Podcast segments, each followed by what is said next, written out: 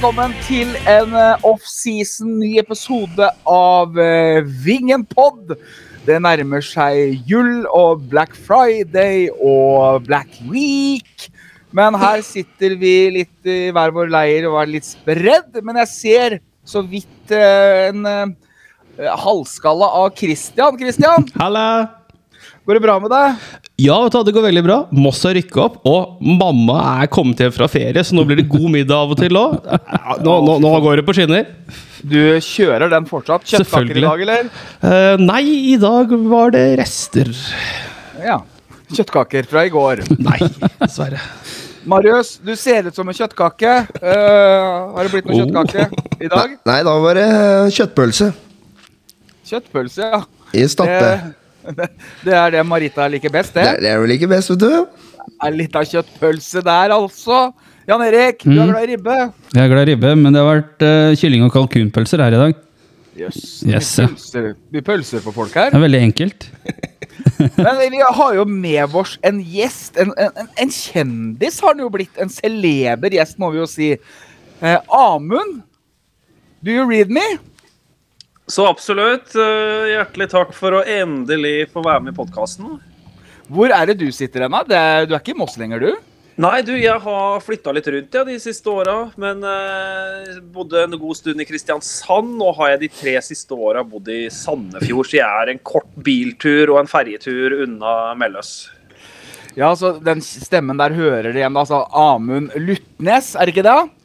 Det er det så absolutt. Mister Obos-ligaen. Mm. Ja, det er det det har blitt. Ja, og tenk det at uh, Obos-ligaen nå skal få æren av å få Moss fotballklubb opp etter en uh, ørkenvandring uten sidestykke. Det er så gøy! fra 1987. Ja, det er, det er, det er, Det er så utrolig, gøy. det er så utrolig gøy. Det er så Det er, gøy. det er så deilig. Det, er sånn, det har fortsatt ikke gått opp, har ikke gått opp for meg ennå, i hvert fall. Veldig fint hvis du holder kjeft, Christian. Fordi når du kommer med de primale-ropa dine, så lagger det på deg. Så det høres ut som en sånn derre Nei da, bra det, Christian. Glede. Ja, glede. Ja, men Amund, du starta jo i Din journalistiske karriere starta jo her i byen. Du er jo mossing. Ja, da jeg er born and raised i Moss, på Jeløya, og øh, søkte jobb faktisk gjennom øh, Og det hø høres ut som den dinosauren. Jeg søkte jobb som kommentator i Radio Moss gjennom papiravisa til, øh, til Moss. Der sto det en stillingsannonse som jeg søkte på etter en lang ansettelsesperiode. Så tok jeg over for Hans Martin Roer, tror jeg, som hadde hatt øh, sesongen før. Så påsken 2009, da begynte jeg i Radio Moss. Ja, for du, du men du hadde hjemmekampene, hadde du ikke det? kjeft, Jan Erik. Ja, du, Drømmen var jo først å bli fotballspiller da, på så høyt nivå som uh, mulig. Det kom, jeg kom ikke noe lenger enn eh, junior 2 for uh, sprint Jeløy. Altså, det er maksnivå jeg uh, nådde. Kom aldri opp på noe, opp på noe seniorlag, og da tenkte jeg det nest beste må jo være å kunne, kunne jobbe, jobbe med det. Ja, jeg, jeg og Hjelmen prata jo litt i munnen på hverandre her, men når du var kommentator i Radio Moss, var det hjemmekampen i hovedgrunn, var det ikke det? Nei, du, da det var? God, eh, det var veldig god eh, økonomi.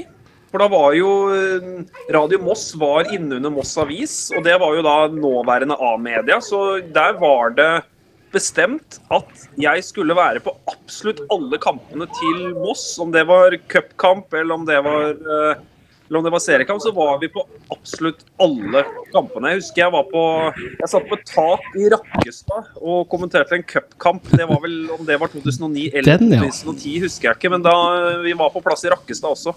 2009. Vant vel 6-0 eller noe sånt, 2009 tror jeg. Ja, nei, men 2009 var det, for det var vel eh, Lars Martin Engedal spilte i Moss i 2009, og han spilte den kampen. Det er sant, det. Da Ja. satt jeg på et tak der med Det var vel eh, Per Morten Haugen som var hovedtrener på den uh, tida der. Og nå, om jeg husker riktig, om det var i 2009 eller 2010, så hadde jeg min aller største nedtur. Det var om det var runde to, at Moss ble sendt til eh, til Nest Sotra, opp på Sotra, for å bare vippe Nest Sotra av pinnen for å få hjemmekamp mot Fredrikstad i uh, runden etterpå. Jeg husker at vi eh, tapte den kampen da, Joakim Klæbo kom bort etter eh, kampen og beklaga til eh, Moss Avis sin utsendte og meg for en elendig fotballkamp. Hjelm, du var jo der.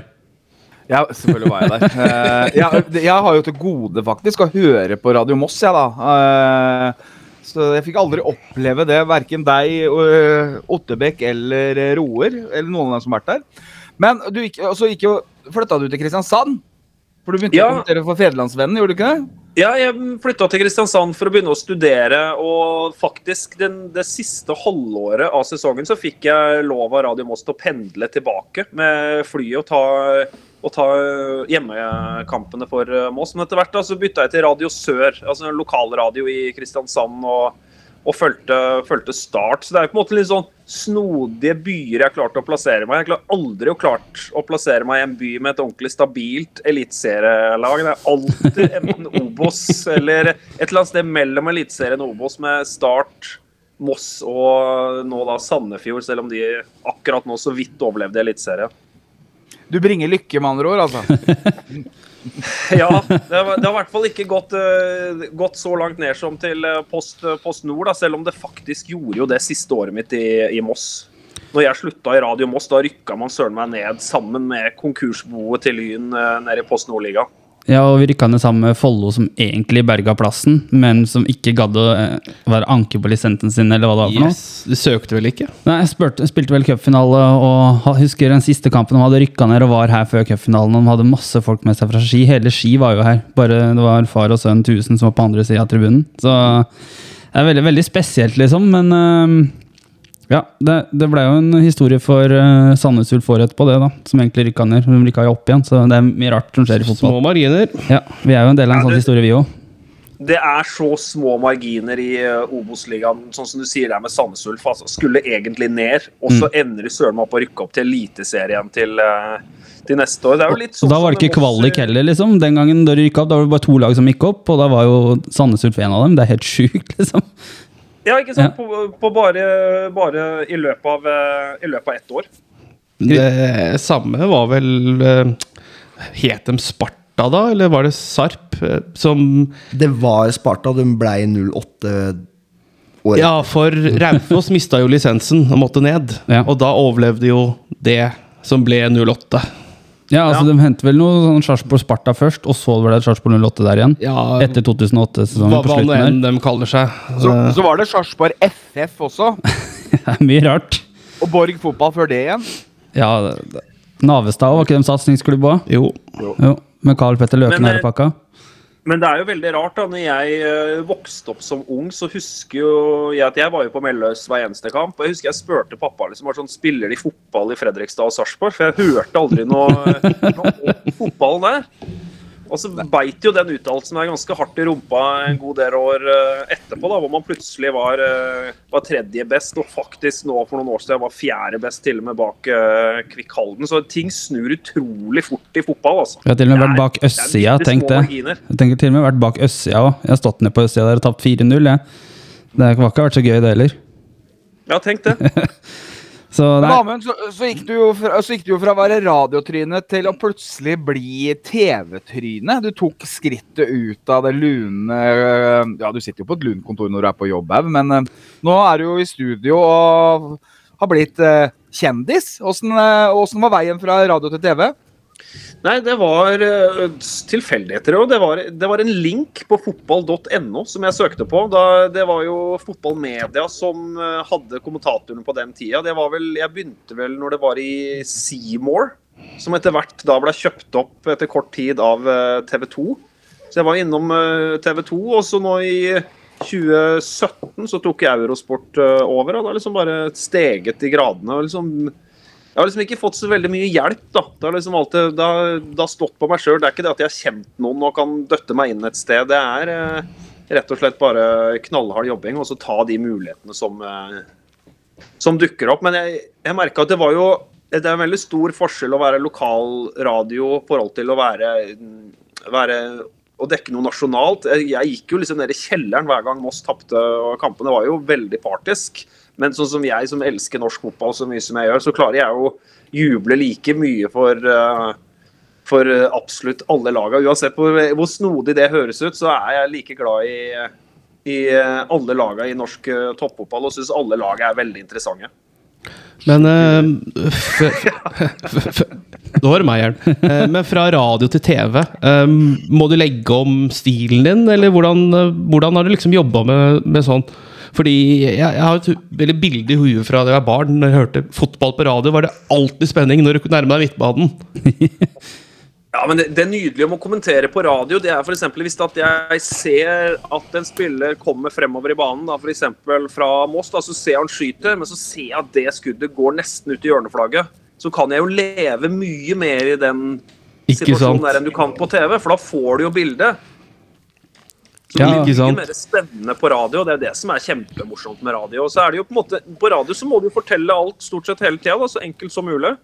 Nei, jeg husker det der, fordi at når, eh, før når ikke jeg var så mye rundt på bortekamp så hørte jeg på Radio Moss, og jeg husker bare, og så kom Stabæk over på Moss sin balladel, jeg fikk jo vondt i magen med en gang, liksom. Det er sånn bare, å, nå nærmer seg 25 meter, å nei, nå slipper vi inn, liksom, og så bare står de og triller ball, liksom. Det er sånn, man blir jo Og stresset. Jerry Monsson skyter, og den stryker stanga!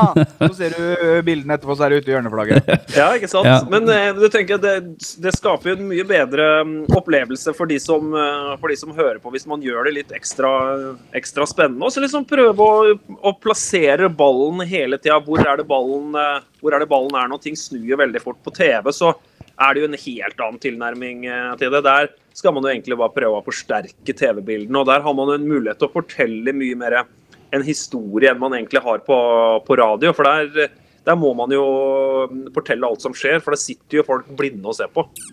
Marius har et spørsmål til deg her. Ja, Når vi er inne på radio Noe av det barndomsminnet man har, er jo på langtur enten fra hytta eller Sverige, og du hører på NRK-sporten Yes. under disse eliteserierundene, og gjerne venta på Da var jo Moss Eliteserien. Og, ja, husker mål! Når det, når det skjedde noe, ikke sant? En eller annen kamp. Og Alle, alle bare fryser til. ja, hvor hopper de nå? Hvilken stadion? Så det er jo så radio, god gammeldags radio, det var eh, underholdningsverdi, det òg. Selv om ja, Se bildene er jo kulere, da, men det er noe, det er noe forskjell. Ja, eh, vi har jo litt spørsmål og sånt. Da skal vi prøve å ta det litt underveis her. Jeg tenker at vi har jo fått noen gode spørsmål fra vår trofaste lytter Martin Dahl. Han har sendt oss inn eh, tolv spørsmål. spørsmål. Ja, så vi skal prøve Tusen takk for spørsmålet, Martin. Ja, vi skal prøve å få med oss alle sammen her. Men jeg syns jeg så et eller annet her eh, ehm, Et spørsmål til Amund, tror jeg det var. Ja, det var fra Max Nilsen, da. Han, fra Twitter. Han spør om um, Ja, du snakka om at du har jobba i Discovery. Nå er det jo en ny rettighetshaver, og det er tilbake til TV2. Har du fått noe tilbud om å være med over der, eller er det noe du kanskje ikke kan prate om ennå? Nei, det, det jeg i hvert fall kan si, da, at jeg kommer til å bli en del av uh, satsinga til TV 2. Men det er ikke liksom noe som er noe konkret hva jeg eventuelt uh, skal gjøre. Men uh, jeg kommer til å ha en rolle i TV 2 til neste år. Ja, men Det er gøy. Det liker vi. Åssen blir Obos-satsinga i TV2? Blir det à la Discovery? Ikke i år, da, men året tidligere år har vært veldig bra. Ja, jeg har ikke fått vært så tett på de som tar avgjørelsen egentlig i TV 2. Men så vidt jeg har forstått, så skal alt dyttes nå inn i helga, og kampene skal spilles sånn fra, fra, fra fredag til søndag, tror jeg. At man skal prøve å få f.eks. et slags sånt lokaloppgjør på, på fredager, eh, litt eh, på tvers egentlig av eh, divisjonen, da, hva man velger som, som hovedkampen. Men det er jo på en måte på TV 2 så får man jo en helt annen sånn nyhetsdekning gjennom hele uka. Mm. Det er jo det som kommer til å bli den veldig store forskjellen. Selve TV-kampene tror jeg ikke kommer til å bli så veldig forskjell, for det er det samme produksjonsselskapet som har gjort det i veldig veldig, veldig mange år, som er kjempe, kjempedyktig. Men det er all dekninga rundt, da, og det er jo der på en måte liksom klubbene må være nå ekstra flinke på å selge seg inn. da. Moss kan liksom ikke stelle seg ned i kroken og forvente at folk skal komme og klore på døra til enhver tid. Man må vise seg fram. Mm. Akkurat det du sier der, det er litt viktig, for jeg husker eh, før altså, Når TV 2 tok over rettigheter for første gang aleine, sånn rundt foran 2006, når den første skikkelige TV-avtalen, er det ikke det man kaller det? Den skikkelig store TV-avtalen den gangen. og måten de bygga opp norsk fotball på, da, inn mot da Seymour tok over, eller, og den der biten der, sånn, da, men mellom to, Jeg husker i hvert fall slutten av 2004-2005. Eh, Tilskuerboost, publikumsboom. Og så hadde du den der med TV2 som bare bygde videre på det. Så hadde du noen enorme tall og sånt rundt sånn 2008 eh, tilskuermessig og sånt. Men TV2 har jo vært veldig flinke til å bygge opp eh, rettighetene sine og produktene sine. Da. De har alltid vært kjempeflinke på det, og det er jo et mediehus, som de sier. Da. For de har jo en egen kanal, flere kanaler, nyhetskanaler. Da. Nyhetsstrømmen, da, som du sier. Kontra kanskje de- sånn som Discovery har hatt, da, selv om man har hatt eurosport.no osv. Ja, de kommer til å få pumpa toppkampene, spesielt i Eliteserien, eh, veldig. Altså, sånn som f.eks. Sånn Brann Rosenborg og de kampene der kommer til å kommer til liksom å bli snakka om uh, gjennom hele uka. Men så gjelder det liksom egentlig for alle klubbene å så- å så gjøre seg litt eh, Gjøre seg litt attraktiv, da. Gjøre seg liksom At man skal snakke om Moss, da. For eksempel, når, det kommer en, eh, når, når det kommer en kamp, for eksempel, sånn som Moss-Fredrikstad. Da synes jeg liksom, da skal liksom nyhetsstrømmen begynne allerede liksom på mandag inn mot kampen. Så er det kanskje litt drittslenging mellom supportergrupperingene. Kanskje han spilleren er litt småskada, og han er viktig for det ene laget. Skal han spille eller ikke? Thomas Myhre slenger kanskje fra seg noen strofer som man ikke helt liker i Fredrikstad. Noe sånt, da. Det er det jeg tenker er ekstremt viktig. For eh, man må få bygd opp før kampen. Man får bygd opp en sånn spenning før kampen. At den kampen, den skal jeg ha med meg. Jeg er enig med deg. Hjelm, du har noe du skulle si? Nei, jeg har ikke noe jeg skal si, så noe jeg skal spørre om. Eh, jeg har ikke så mye fornuftig å si. Men eh, har, du har du hørt noe om hvem som blir med deg over til TV 2? Er det, er det, er, blir det masse kjente tryner, eller starter de litt på scratch og nytt? Eller veit Du, ikke? Nei, jeg veit egentlig ikke det. altså. Det, så nå har jo TV 2 veldig mange dyktige folk uh, fra, Fra før da, da, i stallen sin. Så uh, om det blir med mange over fra Discovery, det er jeg faktisk veldig usikker på. Men eh, det er jo litt, det er litt stas. Du er jo mossing, og uh, vi embracer jo mossingene våre uansett hvor dere eh, sprer dere. Eh, hvor mye tid bruker du på Obos-ligaen? Altså, du må jo være up to date på det meste.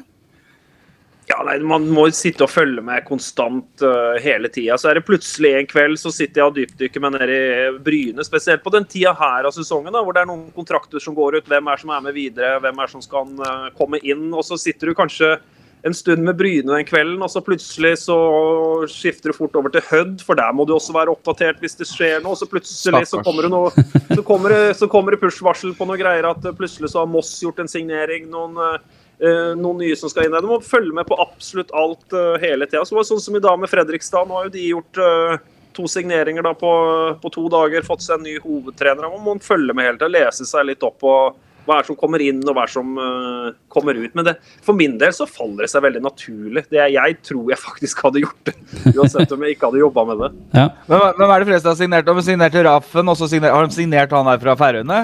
Ja. Nei, Ja, han ble, han ble klar, klar i dag, og det virker jo som en veldig Det er favorittspilleren til Christian her. Men uh, fa faktisk eh, Han treneren som gikk til Fredrikstad nå, han er ikke den første som går fra Klaksvik til norsk fotball i en trenerrolle. Her skal du få fun fact, Amund. Kurt Mørkøre, han som senket uh, Vålerenga for Sogndal i sin tid, er trener i sjettedivisjon for Elnesvågen. Han har en fortid som uh, trener hos Klaksvik. Okay. Har han det? Ja. Yes. det, men Klaksvik har det jo egentlig vært en god del nordmenn de siste Det årene. det. Virker i utgangspunktet som kanskje en av de rikeste klubbene på, på Færøyene. Det, det er de. De har eh, sponsorer som er store på lakseoppdrett. Så de har greit med kroner. Ja, ja. Nå begynner, bli, nå begynner jeg å bli nervøs her. Ja, men har, du har ikke en fetisj for eh, modelltog og sånn også? Nei. Nei, greit. Nå, nå begynner du å bli litt for lik Christian. Han samler på noen små i togjævler. Men eh, Christian, vi har noen spørsmål her. Ja, kan ikke du dra ja. litt igjennom litt spørsmål?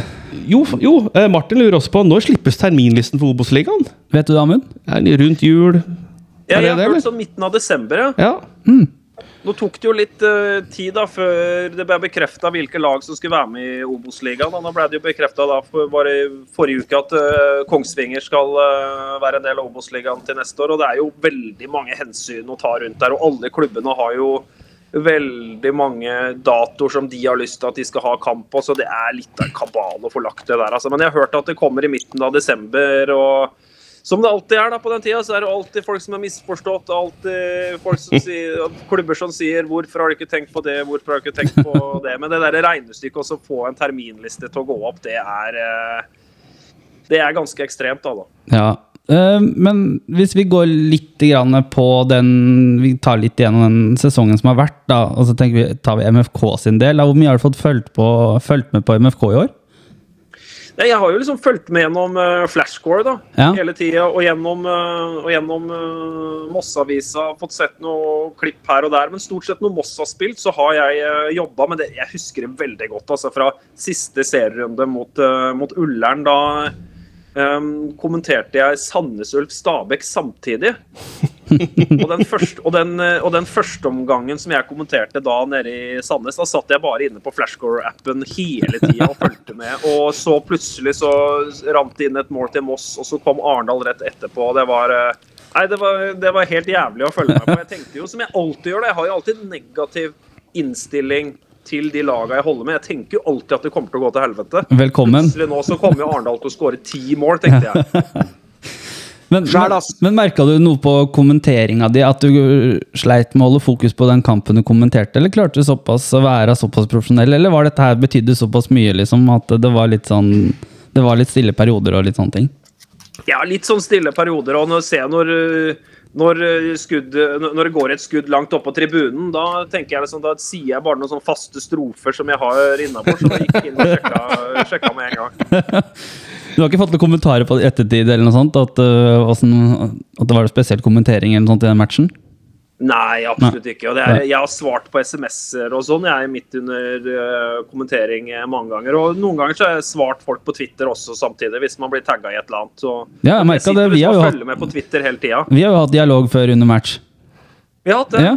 Og det er jeg ikke aleine om. Det er, jeg, jeg kjenner andre som jobber innen media, og som Ja. har skjedd akkurat det samme. Ja, ja, når Amund, ja. Amund har sittet i studio sant? sendt melding 'prat om Moss'. Jeg vet ikke åssen jeg skal få det inn.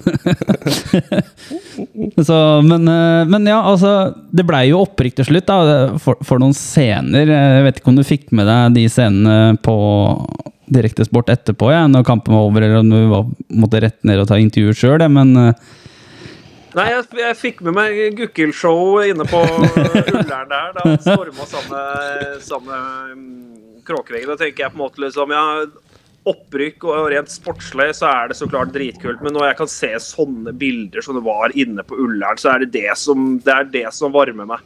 Det er Ja. derfor også det er utrolig kult for norsk toppfotball at Moss kommer opp. Eh, All ære til uh, Stjørdalsblink og Grorud, altså. men det er noe helt annet å få opp Moss og Melløs og Kråkevingen. Og det er jo, fotball er absolutt ingenting i det hele tatt uten supportere. Og de, der, de bildene på Ullern hvor vi ser Thomas Myhre står og griner med alle spillerne og alle supporterne rundt, det er jo det, det, er, det, er det som er fotball for meg. Da. Akkurat det der. Man har slitt så mange år, og endelig da så skulle det holde så vidt. Det var liksom akkurat mål. nok. Ja, det var, det var liksom det var, det var akkurat nok på nød og neppe. Ja. Det var helt, liksom helt sånn, sjuk opplevelse. Hadde, hadde Moss spilt uavgjort én kamp mer i løpet av, eh, i løpet av sesongen, så hadde, så hadde hele opprykket røket. Og til sommeren så tenkte jo jeg så klart dette her går til helvete. Dette her kan jo ikke holde. Ja, dette tenkte vi òg. Det, her. Vi det tenkte- går jo altfor bra. ja, ja, det tenkte vi jo det. det gikk jo, men Christian har fingeren oppe her, han stakkaren som blir sliten. Du, det, ja, det er jeg vant til. Nei, men, nei, men Som kommentator um, så jeg har fått et spørsmål. Hvor mye har supportere å si for TV-produktet? Alt, syns jeg. Absolutt alt. Mm. Jeg var jo rundt og kommenterte ganske mye um, under korona, da det var uh, noen ganger null og noen ganger uh, 200. og det, nei, det, det kan ikke sammenlignes engang. Det betyr absolutt alt. Jeg merker jeg får enormt mye mer uh, energi i kommenteringa når, når det er ordentlig liv rundt kampen. Jeg hadde noen kamper nede på Kristiansand, i Kristiansand mot slutten av sesongen hvor det var veldig mye folk på tribunen, og det er ja, Det er jo derfor vi driver med det her. Det er jo fordi at det skal være supporter og liv rundt, uh, rundt kampene. Marius? Jeg har ikke, Rundt de siste matchene i Obos og Eliteserien har, ikke- har, har ikke produksjonsselskapet bytta side på en del arenaer òg, for å få mer publikum og I supportere i, Sandefjord i hvert fall. Ja, jeg mente jeg leste det på Twitter at det er flere, som, flere steder hvor de har prøvd å bytte side for å få eh, supportere og mer publikum inn i bildet. Synlig. Ja, synlig ja, i bildet, i TV-bildet. Ja, I Sandefjord så gjorde de det til siste serierunde mot, uh, mot Haugesund, og det syns jeg var ganske vellykka. så- Men jeg var på kampen mot uh, Kongsvinger, og da var det, da var det over 5000 på, uh, på tribunen. Og da var det faktisk ganske bra liv på, på begge på begge tribunene, men Sandefjord har sett grusomt ut de tider i år. og Det er på en måte liksom det TV-bildene man ser, er jo på den, er jo på den langsida hvor det nesten ikke sitter, sitter mennesker. De aller fleste sitter jo liksom ved, på hovedtribunen i Sandefjord, og det er stusslige TV-bilder å, å sende ut. Mm. Ja, for at det- supporterfeltet til Sandefjord har vel også bytta side også, har jeg Ja, skjønt. jeg skjønte. At man kan ha bytta noe som heter blå sone eller noe sånt. Som har fått litt sånn, og så virker det som at Altså den kampen mot Haugesund, altså det virker jo Det er litt det er jo sikkert flere som har hatt den følelsen i høst, da, men sånn som vi hadde den hjemme mot Vard også. den der, Når vi scorer på overtid i den siste kampen, hjemmekampen her, før Ullern Vi får den der gjenopphentingen rett på slutten der. Det er jo det som får folk tilbake på stadion. da. Sanne opplevelser som gjør at man får litt troa på dette her, og som gjør at det er gøy. altså De opplevelsene der. Man vil ikke gå glipp av de. det der, da. Ja. Hadde ikke du satt den mot Vard? Du kunne bare drite i hele opprykket. Og så Ja, liksom prøvd seg på den kvaliken mot Hødd eller Kisa. Fy fader. Det hadde jo ikke gått i det hele tatt. Der, der ser du hvor bitte små marginene Den rødrette corneren som til slutt ender med et eh, mål som blir så sesongdefinerende som det går an. Bamba, altså, den jævelen. Ja, ja. Faen. Men du, du nevnte Emil Kukil i stad. Han øh, øh, er det, er det liksom, Han er jo NRK. Er det liksom er det, er det dem som er kongen, eller preker du med Kukil? Eller, øh, eller hater dere hverandre, eller sånn? Nei, vi var, jo, vi var jo kollegaer en stund. Ja. Han jobba jo først i Discovery for oss i Eliteserien, før han gikk eh, videre. Nei, jeg ser absolutt ikke på noe rivalisering med NRK i det hele tatt. eh, Eller VG. Jeg har jo, jeg har jo liksom kjent folk over, eh, over hele Norge. og jeg tenker liksom For min del så hjelper det å, å få brukt det. da, Sånn som f.eks. å prate med Bergens Tidende og NRK og all, alle mulige journalister rundt omkring som er veldig godt oppdatert på sitt eh, lokale lag. Så jeg ser heller på det bare som en mer en styrke enn at jeg, jeg ser absolutt ikke på Emil som noe, som noe konkurrent. Jeg sendte, sendte en melding før kampen på Ullern og at han skulle inn og lurte på om jeg skulle. og det gjorde vondt å si eh, nei, at ikke jeg fikk uh, vært med til Ullern. For jeg tror jeg, jeg tror jeg stilte spørsmål en gang eh, som du svarte på i studio. Jeg, jeg husker ikke eller, hvilken setting det var. Jeg sendte inn et spørsmål. Jeg, nei, når du, du og Roger Risholt drev med et eller annet faenskap Jeg husker ikke hva det var. Men Ja, vi hadde, vi hadde sånn, der, vi hadde sånn eh, liveshow i bilen til kamper. ja, var det var det. Ja, det var det. Da der husker jeg du slengte inn noen spørsmål. Ja, ja, da, tok, da tok det. det var sånn det var. Og Roger Risholt satt der med hårbåndet sitt og bare tulla og surra rundt. Men eh, VG, der er jo halve Moss Avis er jo der nå. Og- Ja, det er sånn, eh, det er jo en sånn eh, rekrutteringsarena, det. Ja, jeg visste det. Han eh, godeste Klausen han har jo blitt til og med blitt låtskriver. Han Tor Erik Klausen han skriver jo låter for halva priset. Så uante muligheter og sånn som så kan, Plutselig så er du drag queen eller noe sånt også. Det er jo masse, masse spennende du kan bli med på. Ja, du, hvem veit hva som hva framtida bringer? Men, men, men Jern, TV 2. nå skal jeg rett og slett bare ta føringa, fordi vi har en stjernegjest. Da må vi, da må vi han må han få skinne Ja, men du bruker jo så jævlig lang tid! Kom! Ja, men jeg driter i den der det holder på. Men Amund, du har jo kommentert mye kamper nå. Eh, har du noen favoritter? Har du noen Dæven, den var helt sjuk? Eh, eller var, går de litt sånn i ett? Nei, det, jeg kommer aldri til å glemme Brann Jerv. Ja, den venta jeg. Så du noe da? kvalik-finalen der. Det var eh, Nei, vi er jo faktisk også sammen med Joakim Jonsson eh, kommenterte jeg den kampen. Og vi så like mye som alle som satt og så hjemme på, på TV. Jeg husker Det begynte jo å gå noen sånn greie på Twitter om at folk må få, må få bytta til noe rød ball her. Fikk jo heldigvis også bytta til det. da, Det hjalp jo det hjalp i hvert fall lite grann. Men nei, det var helt merkelig. Jeg så, jeg så at det var en Brann-spiller og jeg så at det var en Jerv-spiller. Hvem det var, er helt, var helt uh, sjanseløst. Så Men bare- det en mål? hvert. Ja. Men uh, jeg, jeg, jeg husker jo den kampen, og, og, og jeg, jeg husker jo uh, Jeg så den med min far, og han bare sånn Jeg skjønner kommentatorene godt, det, det blir bare lyder til slutt. Uh, og, og det er jo også litt fotballens makt, at det, du blir så i det at du klarer faen ikke å si noe, nesten. ikke sant? Det blir bare Det er ikke bare lett å være kommentator da heller, altså. Nei, men det er liksom det er der det kommer inn at jeg kan, øh, kan øh, styrke bildene som blir sendt ut. da. Ofte så sier jeg jo bare akkurat det som skjer, og det handler liksom om å være veldig nuet når man skal, øh, når man skal kommentere, kommentere en fotballkamp. Og den kampen der var jo det, helt spinnvilt. Hvordan i huleste er det mulig? I en normal verden så vinner Brann den kampen. Ja, ja, ja. ja, ja. Snakka. Og så ender det 4-4 etter helt kokos ekstraomganger, og så blir det så blir det straffekonk. og Det var jo også spesielt, da, for da hadde jo Jonas Gahr Støre stengt ned landet en, eh, to dager før. så Da var det plutselig bare lå med 600 på, eh, på Intility til den kampen. Men den eh, kampen eh, er nok det drøyeste jeg har vært med på i TV-sammenheng. Men faktisk, i radiosammenheng så er det ett sånt øyeblikk som kommer til å stå ut for meg i evig tid. Og det var min aller første kamp for Radio Moss. Det var tilbake i 2009. Det var mot Løvham. Løvam! 2-1! Martin Tønt Tømt Jensen. På, på, på Melløs, hvor helt på tampen av kampen eh, Vålegutten Martin Tømt Jensen skyter fra vei rundt 20 meter, 2-1, og Moss vinner den kampen. Og Det var min aller, eh, aller første kamp. og Da husker jeg alt det tekniske klappa sammen fire minutter før, eh, før kampen begynte. Så jeg var så svett. Så den kampen ble kommentert over, eh, over telefon. Da falt det der gamle ISDN-nettet som var på Melløs da, det bare klappa sammen og lyste rødt. Det har ikke blitt noe bedre nett her oppe siden den gang, så Det kommer jeg aldri til å glemme, det øyeblikket hvor, hvor, hvor Tømt setter inn 2-1 der mot, uh, mot Løvam i 2009. og Herregud, så lenge siden det er. Ja, jeg veit. Det er, det er helt sjukt. Det er 2009, Du tenker på at det er ikke så lenge siden, men det er faktisk lenge siden. Hvor gammel har du blitt, Amund? Ja, å, det må nesten telle på fingra i det. Jeg pleier å glemme det, men jeg er vel 34 nå. Ja, det er ikke gammelt. Du er jo du er, du er yngre enn den uh, gjengen der.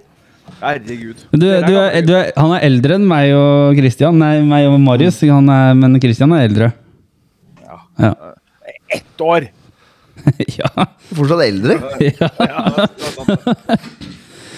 Eh, Men eh, Obos-ligaen, hva tenker du Moss sine sjanser hvis du ser det sånn nå, da? Um, vi har, det er jo vanskelig å si, vi har ikke kommet til desember engang. Sesongen er så vidt blitt ferdig, liksom. Eh, Men sånn på papiret um, Har du noen drømmesignering til Moss, for eksempel, som kan være litt sånn ideell, som kan være perfekt for Moss? Hvordan tror du det sånn, sånn som du ser Moss nå, da? Hvor sterkt stiller vi i Obos-ligaen? Sportslig. Eh, det er jo sånn som I Obos-ligaen så pleier alle de nyopprykka laga å overleve i hvert fall første sesongen. Og holdt jo f.eks. Grorud og Stjørdalsblink holdt ut i, i, flere, i flere år. Men jeg tenker det aller viktigste til neste år, det er bare å holde plassen. Det er det soleklare målet. Jeg tenker jo en spiller som kunne vært utrolig fin og fått inn i, fått inn i Moss nå, da ville vært Amin Askar. Lokal gutt.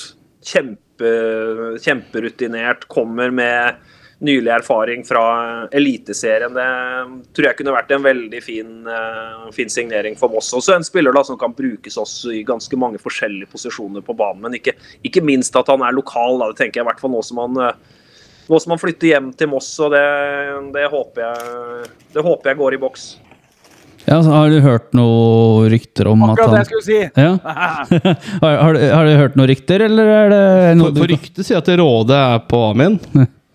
Ja, jeg vil absolutt tro Råde er på Amin Askar. Ja, det, det burde de så absolutt eh, være også, men da blir det fjerdedivisjon. Han har mulighet til å spille Obos-liga i Moss altså, og få komme tilbake på Melløs. og Jeg sendte noen meldinger mot slutten av eh, sesongen. Jeg hadde noen eh, KBK-kamper. Da ville han ikke si noe i det hele tatt, for da var det fullt fokus på Fullt fokus på KBK. Jeg sendte noen meldinger i løpet av sesongen nå med Moss, og han syns det har vært eh, dritkult, det som har vært i Moss. At nå er det virkelig virkelig på vei eh, opp igjen. Så jeg har ikke noe, jeg har ikke noe konkret å melde der. Jeg har ikke sett Mossavisa har, eh, har skrevet noe heller, Kjøniksen. Nei, Marius? Jeg har ikke sett Amin spille på et par år, men hvordan ser han ut? Ja, I år, så har han vært, I år så har han vært en del skada, dessverre, og falt ut av laget til, eh, til eh, KBK. Litt overraskende for mange. Så tok han eh, et ekstra år i, eh, i eh, Kristiansund og har egentlig vært mer en sånn rutinert eh, rotasjonsspiller i dette eh, KBK-laget, som har jo slitt ekstremt i år. Da. Jeg tror Amin Askar hadde spilt mer, hadde ikke de slitt så mye sportslig som de har gjort. Og så har jo også Amin Askar vært eh, delvis skada i år. Han har jo sikkert vært viktig i den, eh, i den nesten snuoperasjonen vi klarte òg. At det virker som at det er en karakter som har vært viktig i garderoben. Da. Selv om han ikke har spilt så mye. Tror jeg. Ja, absolutt. Veldig viktig i eh, garderoben. Og det er jo en, eh, det er jo en hel V-gutt som, går, som går 100 inn, inn for det. Så det, jeg tror han har vært utrolig viktig i gruppa der oppe. Tror du Glomme er på ballen også? Ja, Nå signerte jo de Raffen nå, da. Ja. Og så har, de, så, har de nok, eh, så har de nok vinger, og så kommer nok de til å satse på Begby på, eh, på venstrebekken. Men eh, det er, ikke, det er ikke utenkelig at Fredrikstad er på, på ballen der. Altså, jeg vil tro man kan tilby en god del mer penger, men da blir det en pendlertilværelse da, for, for Amund. Jeg håper han velger Moss. Ja, han har vel sagt at han har, vel, har han sagt at han skal komme igjen? Han har vel kanskje ikke sagt det. Han har, siste han sa, var at jeg er ikke fra Moss, jeg er fra Kambo. Ja, Han skulle avslutte i Kambo, er vel det eneste han har sagt. Sånn konkret som jeg husker, i hvert fall. Så det er uh, faen. Det har vært, jeg jeg syns det har vært ålreit. Jeg vet det er en del delte meninger supportere imellom om, uh, om, om han i og med at han har spilt i, i diverse klubber som ikke vi liker. Men uh, jeg ønsker han hjertelig velkommen. Eh, og så kan du jo Men eh, litt tilbake til deg også. Visst, hvor opptatt er du av kommenteringa? Vi sier at Moss fotballklubb hadde kommet nå. Amund, du får 700 000 for å bli daglig leder i klubben. Hadde du øh, valgt oss å gå, gå Kunne det vært en interessant oppgave? Nei, du, Da hadde jeg sagt nei, og det er pga. at jeg absolutt ikke hadde gjort noen god jobb som, eh, som daglig leder i Moss. Jeg har null forutsetninger for å være daglig leder i en, i en toppfotballklubb. Jeg vet at å være daglig leder, det er kanskje den viktigste posisjonen i en klubb. Tenker i hvert fall sånn som Moss, da. Størrelsen til, eh, til Moss. De må treffe på en god daglig leder, altså, som er god på veldig mange forskjellige ting. Og I Obos-ligaen så må daglig lederen i løpet av en sesong eh, ha et eh, eliteseriebudsjett, et Obos-ligabudsjett og et Post Nord-ligabudsjett. Som, som daglig leder må sjonglere med fra uke til uke etter hvordan, hvordan resultatene går. Bare se eksempel sånn som Kongsvinger nå, da, kom rett opp fra Post Nord-ligaen. Og så er de søren meg så nære å rykke direkte opp til uh, Eliteserien fra Post Nord-ligaen. så Ja, fordi at på- På starten av høsten så lød de egentlig bare 'nå skal vi berge plassen', var det? og så plutselig fikk de henge på kvaliken, og så har det bare, bare levd på den bølgen, er det ikke det? Ja, jeg, jeg Ja. fulgte jo Kongsvinger gjennom hele den uh, kvaliken der. og Utrolig fascinerende at sjetteplassen i Obos-ligaen klarer å krige seg frem til, uh, frem til eh, kvalikfinalen. og Det må være motivasjon for absolutt alle som ser på at alt er mulig i fotball. og Det gjorde også Kongsvinger med en del skadeproblemer i troppen sin. Mm. Det er blant annet med den kampen nede i Kristiansand med litt utvisninger og litt sånne ting. Ja, Så en jo- spinnvill fotballkamp. Ja. Men hva er tenker sånn, du om det er en sånn kamp som, som ender 1-0 til eh, det laget med rødt kort én av 100 ganger. ja. Marius? hva, men hva tenker du om den modellen som er der, eh, med at helt ned til sjetteplass faktisk eh, får muligheter? Altså, eh, det skal jo ikke være mulig for et lag som kommer på sjetteplass å, rykke sånn. Teoretisk skal det ikke være mulig. Men uh, det gir jo selvfølgelig en veldig spenning. Jeg ser jo den at det gir eh, flere kamper over lengre tid, eh, noe som betyr noe. Som er veldig publikumsvennlig og gir en spenning. Men burde man sett på noen andre måter i et kvalikksystem? Jeg liker jo den kvaliken, at den kan dra seg liksom litt over en uke. og merker liksom den Du leser det på Twitter at det er ganske mange som sitter og ser på, ser på kampene. og Ikke minst når man får de kampene inn mot, eh, inn mot helg også, da, så har man også mulighet til å få en god del eh, tilskuere. Selv om det er ikke så veldig publikumsvennlig klokka seks på eh, på en onsdag for, for bortefans. Jeg hadde jo, jeg jo Sandnes Ulf mot mot eh, Kongsvinger, og da var det fem Kongsvinger-supportere på tribunen. Og det var eh, familien til Eirik Mæland, som bor på, som bor på Vestlandet. Men eh, sånn eh, TV-messig så er det jo kjempekult. da. Det er jo en kamp som Det er vinn eller forsvinn. Det er plutselig en feilpasning, og så er, eh, så er sesongen over. Det er jo De desidert kuleste kampene er jo de kvalikkampene. man, nå har vi jo fått et ordentlig bevis da, på at denne sjetteplassen den, den betyr faktisk noe. Den, den er ikke bare for markedssjefen til å skryte av inn mot, inn mot neste sesong at vi var, vi var på kvalik til Eliteserien. Det er faktisk en reell mulighet for å gå direkte opp. Ja, men uh, kunne det vært sånn altså, jeg, jeg var jo veldig for sånn før, spesielt når Moss lå i toppen av førstedivisjon på midten av 2000-tallet, at jeg håpa egentlig på at kvaliken skulle ryke, bare at det blei tre lag ned og tre lag opp.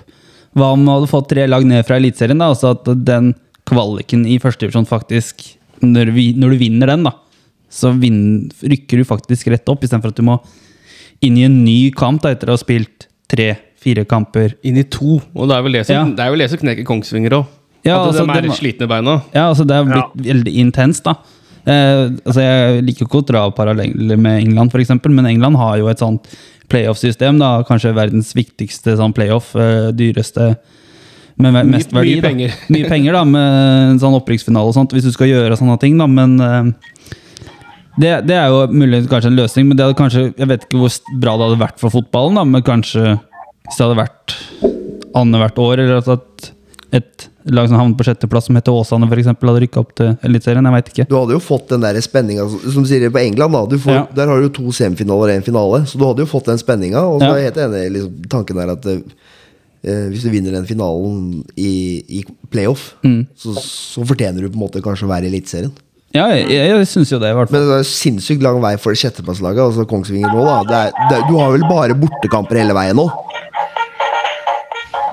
Ja, i hvert fall eh, sjetteplassen får jo bare bortekamper da, inntil man fikk eh, kvalikfinalen og man eh, kom hjem på, på Hjemslund. Man kunne jo bare hatt tredjeplassen da, mot, i Obos-ligaen mot, mot 14.-plassen. Jeg vil jo liksom ha de kvalikkampene hvor det er ett lag fra hver divisjon som møter, møter hverandre. Det blir liksom en helt spesiell dynamikk, og eliteserielaget har enormt press på seg. Obos-ligalaget mest sannsynlig ikke har så veldig mye press på seg. De er underdog i de, eh, i de kampene. Men eh, det er jo synd, sånn som det ble i kvaliken nå, at ikke det var så altfor mange mennesker som var på de kvalikkampene. Men sånn TV-messig så er det jo kjempekult med mange kvalikkamper hvor, eh, hvor, noe, hvor ting betyr alt. Men det har liksom vært sånn snakka om hele tida. Ja, den sjetteplassen den betyr ingenting. For at der er det bare bortekamper. Det er sjanseløst. Men det kommer litt Det motbevist, motbevist litt i år, da, at det, det er faktisk mulig. Det kommer litt an på hvilket lag som får disse kvalikene, og sånn i forhold til tilskuddstall. At eh, Dessverre å si det, hadde Fredrikstad fått en kvalikplass, hadde sikkert den kampen vært litt flere tilskuere på enn Dennis Hannes, f.eks. Mener du sånn som i fjor, da de trakk 2000 tilskuere mot KFM og sånn? Publikumsbyen Fredrikstad? Ja, men 2000, ja, ja, det, 2000 sesongkort. om jeg Ja, sesongkort. Ja. Og det snødde vel? Var det ikke det som var jo, og, jo det, og det var vel litt også uheldig, hele kvaliken i fjor. At den, den var jo mye senere enn det han var i år. Da. Så forutsetningene for flere folk i år burde jo vært til stede. For det var jo nesten uh, Kvalikfinalen ble spilt uh, lille julaften, eller? hva var det sånn? Ja, det er vel en tidlig avslutning pga. et uh, magekatarr-VM. Ja. Ja. Men det er kanskje noe med det jo seg, da. De to siste åra før det, da, så var det jo eh, i, altså i fjor og i 2020 så var det pga. korona. I 2020 så var jo kvalikfinalen én kamp bare, og det var Mjøndalen mot Sogndal. Og den ble spilt i romjula 28. Det, det husker jeg. Det husker jeg. Desember. Ja. Og jeg, jeg gikk tilbake og sjekka det nå, den eh, kvalikkampen i fjor, den Brann og Jerv. Den var noe sånn rundt sånn 15. desember eller noe sånt, og da var det jo bare bare én kamp, og det var jo ene alene pga. Uh, korona. og at Det var rett og slett eh, Jeg husker spesielt i 2020-sesongen i Obos-ligaen, altså med smitte her og smitte der, og kamper utsatt og spillere i karantene. og Det var et eh, det var et sirkus, og at den Obos-ligasesongen til slutt ble fullført, sammen også med Eliteserien, er eh, det er bare å puste letta ut. og Bare for å dra opp igjen det òg, da. Det var vel 2020-sesongen hvor Moss egentlig skulle rykka ned til Post Nordliga. Yes. Nei, til tredje Tredje, divisjon. Ja, og vi har jo prata om det litt tidligere òg, at vi har jo hatt skal vi si, at vi har hatt flaks, og så har det snudd på det. da Sånn som visse andre klubber også har hatt. Så at vi kanskje måtte Ja, vi kunne sitte her og vært nyopprykka andredivisjonsklubb istedenfor, f.eks. omtrent. Så det ligger i kortet at vi skal spille Eliteserien Ja, kanskje det. Jeg vet ikke, men det, det hadde, hadde ikke gjort noe, det. Det hadde ikke gjort noe, det. Også, Starten på et eventyr? Ja, det, Men alt, alt i Obos-ligaen handler om å få en god start på sesongen. Hvis Moss kommer skeivt ut, da ser man litt sånn som det skjedde med Stjørdalsblink, Grorud og Skeid. Da blir man bare kavende i bunnen eh, hele tida. Hvis man nesten ikke vinner noen av de ti første kampene, så kommer man til å slite veldig gjennom, eh, gjennom hele sesongen, for det drar man med seg. Sånn som f.eks. du ser Brann i motsatt eh, ende, som fikk en veldig god start på, på sesongen. og man vet jo der i Bergen at hvis det hadde vært en dårlig start på sesongen, så hadde det begynt å, så hadde det begynt å murre, og sesongen mest sannsynlig ikke hadde blitt så bra som den hadde blitt nå. nei. Ja, ja, for jeg, tenker, jeg tenker jo De store klubbene har jo en veldig fordel der. da Du så jo Lillestrøm òg i starten, når de gikk ned. Der òg tror jeg det var små mariner før ting hadde Ikke nødvendigvis gått til helvete, men før ja, du begynner å snakke om at trenere skal gå osv., og, så videre, og to år etterpå er vi genierklært. Men hvis du husker, var det 2015 hvor Brann var i Obos sist, Amund? Da hadde jo Rikard Norling en veldig dårlig start med Brann og litt sånne ting. Man hadde året før henta Markus Pedersen blant annet hjem, som skulle redde dem fra nedrykk. og og så videre og så videre. Det endte med at Rikard Han gikk på fylla, han. Ja, men at Rikard Norling fikk sparken til slutt. Og så kom han der Lars Arne Nilsen og bare snudde helt, og de rykka jo opp til slutt, da. Men da, Ja, hadde, da, Brann da hang de etterpå. var helt grusomme Ja. i 2015-sesongen. Rikard Nordling fikk jo sparken etter at de hadde fått pryl oppå Moan mot eh, Levanger, og da går det liksom ikke an å synke så veldig mye mer ned eh, i gjørma som, uh, som Brann. Altså, da var det, det var et eh, bunnpunkt for Brann. Så kom eh, ekstremt kyniske Lan inn, da. og Fikk de, fikk de til slutt eh, opp i eh, Eliteserien da med, på- med kladdeføre. Det var bak Sogndal, husker jeg. Det var Sogndal som vant uh, Obos-ligaen eh, det året. Og ja, tenk hvis Brann plutselig måtte vært to sesonger i, eh, i Obos-ligaen. Oi, oi, oi. Ja, det hadde sikkert vært krise borti Bergen der. Men eh, Og i hvert fall nå, da, sånn som Moss rykker opp nå, med den nye medieavtalen som uh, trer i kraft nå. Det er uh, veldig god timing å bli en del av norsk uh, toppfotball nå. Altså, nå er det virkelig muligheter til å kunne bygge noe fremover. Men det er jo som, litt sånn som vi snakka om i stad, da, da må de treffe på en daglig leder. De må treffe på signeringene sine når man veit at ikke man har noe penger å sløse bort. Ja, og det du sier der, det er jo Vi har faktisk fått spørsmål om det. Det er Martin Dahl som faktisk spurte om akkurat rundt den biten der, sånn, men eh, det var jo liksom eh, akkurat det der at du må skape litt interesse sjøl for å gjøre at media skal bli og, og vi skal komme til dere. Eh, man må by litt på seg sjøl, skape eh, sk Hva heter det? Skape, skape egne si, Ikke verdier, men Profiler? Ja, profiler og eh, hype, rett og slett. Øke sin egen markedsverdi. Ja. Eh, men sånn som når du har jobba i media nå, da, sånn som det året her, og kanskje også tidligere ja, Den vet at du er fra Moss. Har det vært noe snakk om for eksempel, sånn som Moss da i 2020, hvor man egentlig skulle rykke ned? Men sånn som i år, da har det vært mange som har sett og nå går det bra for Moss og litt sånne ting. Det, har Moss vært en snakkis eh, i, blant dine kollegaer eh, etter før du har hatt sending og underveis og litt sånne ting? Ja, jeg snakka med ganske mye folk rundt omkring, og folk syns jo det er uh, veldig moro da, å få opp Moss. Og når jeg er på borteturer og sånn på, uh, rundt om i Obos-ligaen, så er det mange som liksom har uh, bitt seg merke det der Ja, fader, vi skal til, til Melløs til neste år. Det er veldig kult, og en ordentlig kul arena med som jeg tenker òg rent nasjonalt sett har mye større, større appell enn en god del av klubbene i, eh, i Obos-ligaen. Tenker jeg liksom, Det er litt måten man pakker inn på. da, Der kan du liksom dra inn eh, dra inn hjelmen litt. Kommer sikkert til å være litt på, på TV til neste år. Rune Tangen.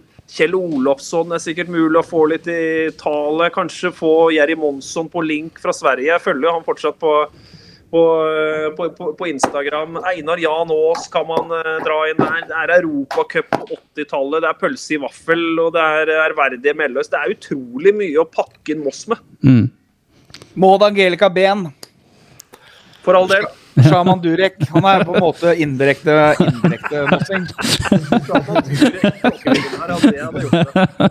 Da har han tatt over eh, Nei da. Og han syns jeg fjaser.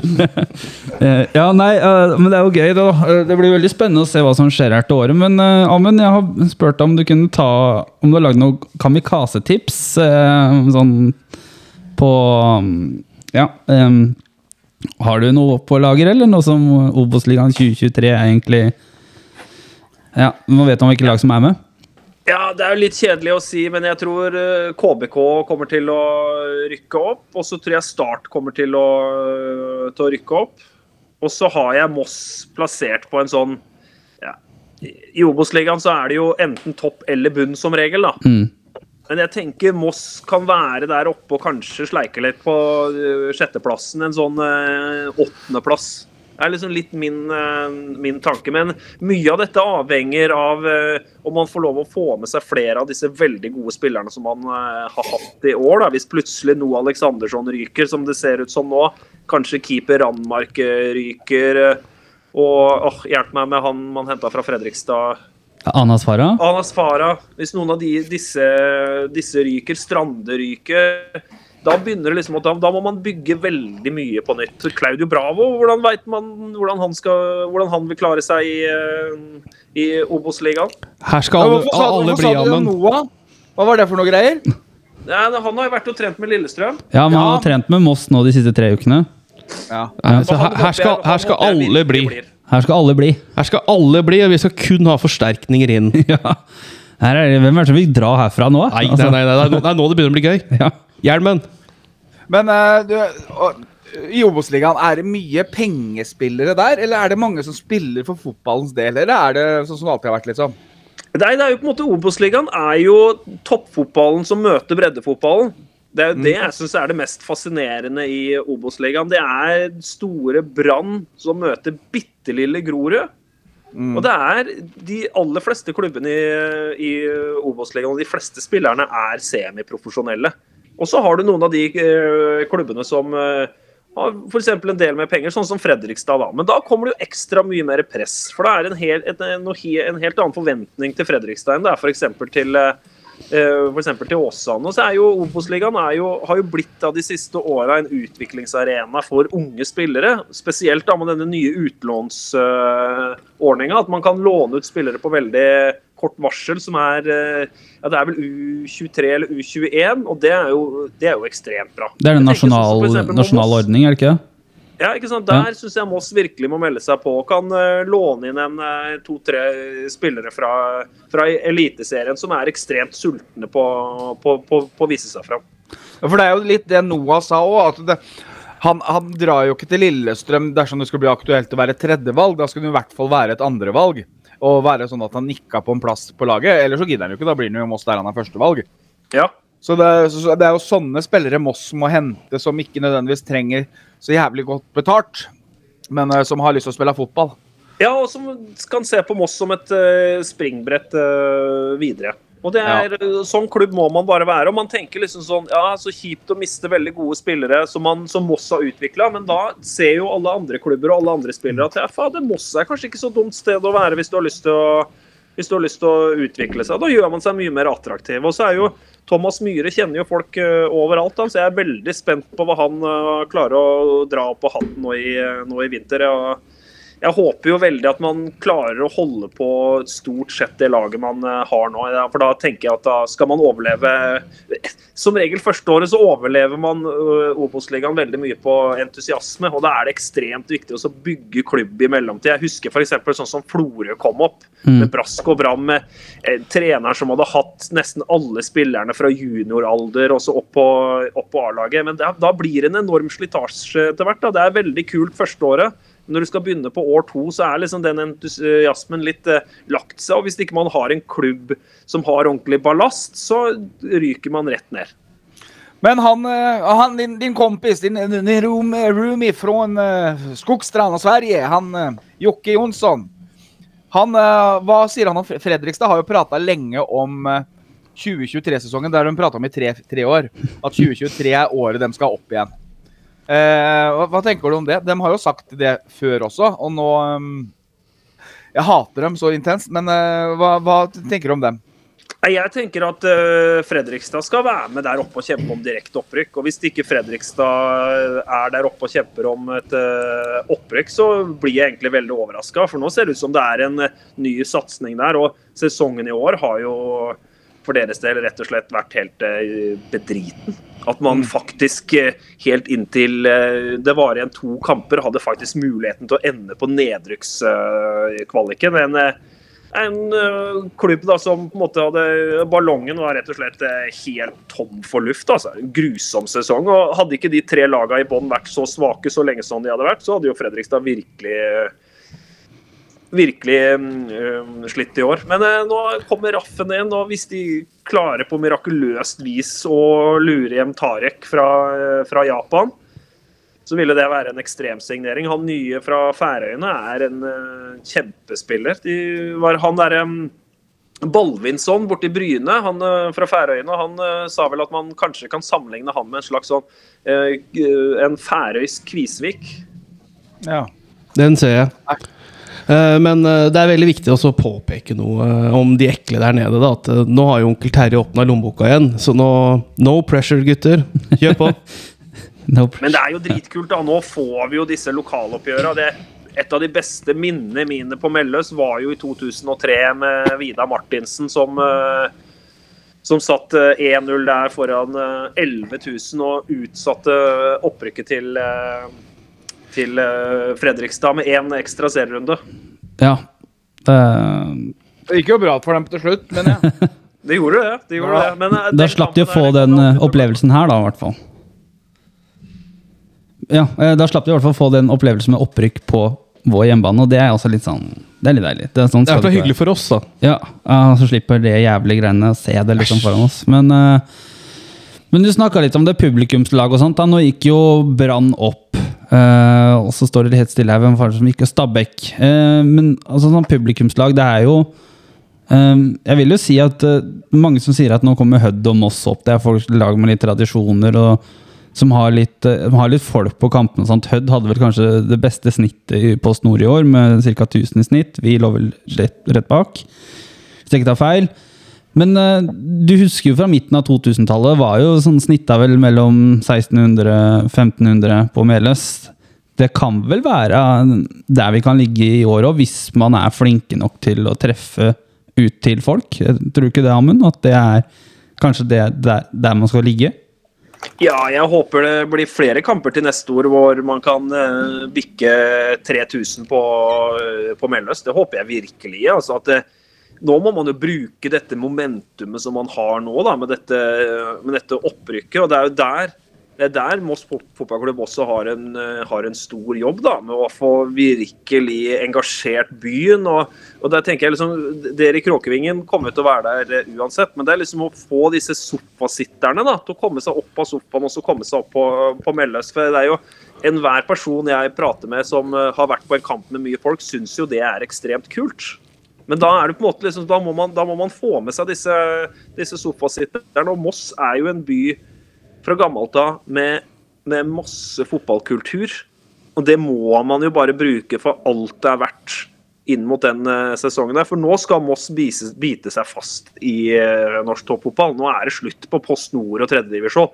Nå er det nå er det Obos-ligaen som liksom er, eh, er stammen, og så skal man være oppe og kjempe om en en eliteserieplass i ny og ne, syns jeg. Det syns jeg liksom bør være der egentlig Moss, eh, Moss hører hjemme. Og du veit jo aldri i, i eh, fotballen, da. Kanskje hvis vi går fem år fremover i tid nå, og Moss gjør veldig mye riktig, så er kanskje Moss et, Moss et eliteserielag, og satsinga i Sarpsborg ikke ikke klarer å opprettholdes, så ting kan snu, altså.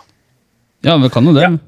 Jeg har en litt sånn feeling på at vi rykker opp. Jeg, jeg, jeg er ikke sånn veldig positiv type, men jeg har litt sånn, feeling at vi tar det på direkten. Ja, bare, Eh, Litt, sånn- litt sånn som Kongsvinger, bare at vi gjør det enda bedre. Men uh, han derre treneren til Glomme, skal han i fengsel, eller er det avklart? Det, det tror jeg var Det er jo ikke noen bagatellsak, så vidt jeg har eh, skjønt, men eh, jeg tror ikke han skal i fengsel, altså. Det Nor Norge har ikke utleveringsavtale med Færøyene. Ja, det ville vært veldig ekstremt. Skal han begynne de første fem serierundene i, i Halden fengsel? uh, ja, nei, men altså, det du sier der, altså, man må liksom ut og treffe folk, da. Og, og når du har vært eh, reist rundt sånn som du har gjort nå, da, så har du sikkert sett at det er forskjellige kulturer eh, rundt omkring i forskjellige byer, da, men uh, det har jo aldri Jeg, som, som du sier, altså, Moss det, det ligger noe underbyggende vi har snakka om det før, liksom, at man må vekke det, da. Jeg følte vi klarte litt sånn mot, bl.a. blant annet mot Vard hjemme, og, enkeltkamper i år hvor vi har klart å vekke litt den der eh, den der engasjementet, men det har jo vært vår fortjeneste som supportere. Det har jo ikke vært Og sportslige resultater, så klart. Men klubben har ikke vært flinke nok sjøl til å treffe, ut og treffe folk i sine kanaler, da.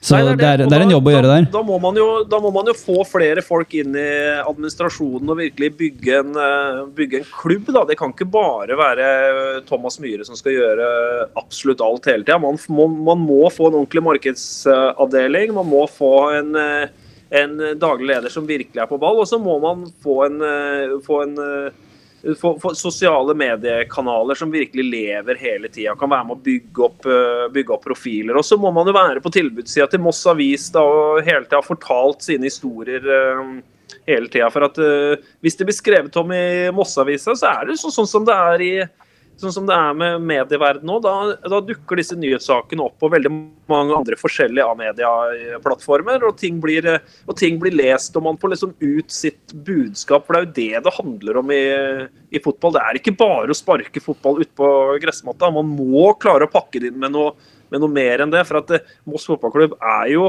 en bedrift som også skal tjene penger. Mm. Man må liksom tenke på det. Man kan, det er ikke bare at man skal konsentrere seg om å spille fotball. Man må bygge alt rundt hele tida, og da trenger man en ordentlig og god og robust administrasjon. Ja, for sitter det folk i, i, hos dere, eller TV 2 og Discovery og sånn, og følger med på lokalaviser til de laga som er i divisjonen, og følger med der om det er noe å plukke opp og ta videre? Ja, hele tida, konstant. Så det er viktig å bruke også lokalavisa. Men jeg leser Ja, ja, ja. ja. Moss Avis kommer til å spille en kjempeviktig rolle for, eh, for Moss eh, i sesongen som eh, kommer nå, til å få, få bygd, opp, bygd opp produktet. Det er jo sånn som når vi har hatt de der Obos-sendingene. Vi har ikke gjort noe annet enn å lese lokalaviser og, og eh, fått med storyer som dukker opp, og hvilke spillere vi skal intervjue før, uh, før hver kamp. Hva som er storyen inn mot, uh, inn mot uh, kampen her. Og da blir det jo f.eks. ekstra kult, da, sånn som et eksempel nede i Kristiansand, da, når Ullkisa og Start skulle møtes. En uke før den kampen ble spilt, så henta jo Start Sindre Kjelmeland fra Ullkisa. Plutselig så blei jo den kampen interessant på en helt annen måte enn bare en helt vanlig Obos-ligakamp. Da var det nesten sånn Ja, kommer Sindre Kjelmeland til å dukke opp på sidelinja her mot klubben som han var trener for for en uke siden? Ja. Helt analyseverktøy òg, gjør han ikke? Kjempemorsomme. Og sånn som vi husker, husker en Raufoss-kamp vi hadde for, eh, for eh, var et år siden eller to år siden, så var det plutselig så hadde keeperen eh, fått en skade, så måtte de stå med reservekeeperen. Da måtte de hente inn keepertreneren, som måtte få fri på Raufoss badeland for å sitte på benken i eh, Obos-ligaen. Ja, for skal ikke A-media mer inn i Obos òg nå?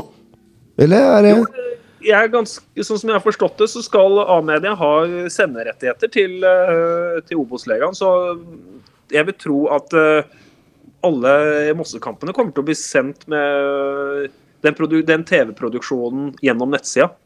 ja, for det er direktesport, er det ikke det?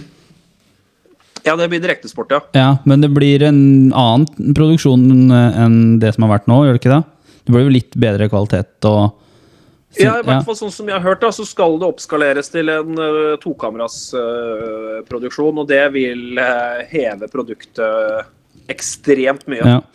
For det var vel Det, hø det høres ikke ut som at det skal bli så veldig stor forskjell, men det blir en enorm forskjell å sitte og se på det som Ja, ja. eh, TV-serie i forhold til disse enkamerasproduksjonene. Ja, fordi at eh, sånn som jeg forsto det, så var det vel Amedia og TV 2 har vel sikra seg en sånn kjempeavtale med at de skal sende At de har rettigheter helt ned, til fjerdedivisjon, som i hvert fall skal sende kamper i hele neste år med sånne robotkameraer og litt sånne ting.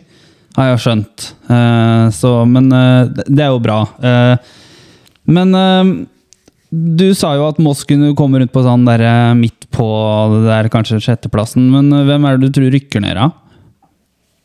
Jeg tenker Raufoss er den soleklare nedrykkskandidaten på 16.-plass. Eh, så er jeg veldig spent på hva de skal finne på eh, borti Åsane. Der har det vært en kjempedårlig sesong i år. Kanskje de også skal eh, være med helt nede i gjørma. Så kommer det alltid noen overraskelser i Obos-ligaen hva man ikke trodde skulle skje. Sånn som f.eks. Fredrikstad i år. da. Jeg hadde jo tippa de langt oppå og på kvalikplass ja, før sesongen, og de eh, endte jo ned, eh, ned i gjørma. Men jeg tenker i hvert fall Raufoss er en, er en dumpekandidat. Jeg tror nok de kommer til å miste veldig mange spillere i, eh, i sommer. Og så er det jo tidligere Tidligere Mosse-spilleren Christian Johnsen han er jo fæl i eh, Raufoss. Han har vært den desidert viktigste personen der oppå, på oppå Toten. Og så har man vel brukt litt mer penger enn man har innabords eh, på Toten. Og har jo slitt økonomisk eh, kjempelenge nå. Det var jo nesten så i sommer det var snakk om at man måtte eh, rett og slett bare trekke laget. Ja, det husker jeg. Det, men var ikke det der kunstgresset som knakk dem eller noe? da? Den Jo, situasjonen den, rundt det? det? den hallen de har, de har bygd der oppe, som, som øh, slo helt feil ut øh, økonomisk. Og de har, de har slitt veldig altså De har egentlig slitt gjennom mange, mange år, selv om de på en måte har fått lov til å signere spillere der oppe. Så må NFF må rett og slett bli ganske strenge på det der med økonomi. Altså At det ikke skal være lov å bruke penger man ikke har. Ja, fordi at eh, du, jo, du har jo fulgt Moss. Du har jo sett Sånn som 2009, da når du var radiokommentator. Du husker hvor mye penger man skyldte her nede. Det var jo 11 millioner det var snakk om. Man klarte å få inn i hvert fall ti av dem. Men det er jo, det er jo helt sjukt hvordan fotballen har vært. Og, ja, altså, det er jo mange, hadde dette vært bedrifter, så hadde man gått konkurs. Vi ser bare på toppfotballen, Barcelona f.eks. Eh, hvordan de holder Ja. på. Det er jo Hva er det som Jeg syns det, det er så rart at man, på, man at som fotballklubb kan liksom bare eksistere videre. Ja, du, Det der er veldig, det er veldig rart i uh, fotballen. Hvordan man liksom bare klarer å holde kreditorene bare på en centimeters avstand. Det er akkurat liksom som man kommer seg gjennom uh, hver måned. Jeg fulgte jo Start i mange år nede i Kristiansand. Der var det liksom sånn at eh, måtte selge en spiller, for ellers hadde man ikke hatt penger til å utbetale lønn liksom de kommende månedene fremover. Og sånn kan man jo ikke drive en fotballklubb. Nei, nei, nei. Moss kan ikke bruke noe mer penger enn det de har, og det kan jo være veldig frustrerende, det, da. Når man ikke liksom klarer å hente de, hente de riktige spilletypene som man uh, trenger, men Uh, da, da får man heller spille Post Nordligaen med en uh, sunn økonomi enn å være i Obos-ligaen med en uh, ræva økonomi. Ja, og, men vi snakker om Vi har jo henta en spiller allerede, da. Han uh, Loren Kalaku, er det den heter? Ja. Ja. Luka? Kalak, ja. Uh, Yeah, Ja. yeah, yeah. han er jo fra, han er jo fra Danmark, med, men han har spilt i Han har Obos-ligaerfaring med Strømmen og Florø, har han ikke det? Jo da, han har Ja. spilt ganske lenge i Obos-ligaen. Han har rykka jo ned med Strømmen i fjor og har spilt uh, Post Nord-ligaen i år. Det er, en, uh, det er en fin spiller, det. Og en sånn type hylle som Moss kan, eh, kan hente fra. Han har erfaring fra, fra ligaen, så jeg tenker det er en, eh, det er en sunn og god eh, signering for, for, for Moss. Jeg- tror nok ikke Moss kommer til å trenge å hente inn en eh, 10-15 mann her. Altså, det må man ikke finne på å gjøre. Man må Nei, nei. prøve så godt det gjør seg å holde på stammen fra laget i år. Så klare å, å legge til liksom en eh, to-tre spillere som kan eh, gå inn og, så, og så styrke laget. Da tenker jeg at man skal være, være kreative på, eh, på å få til en del utlånsavtaler.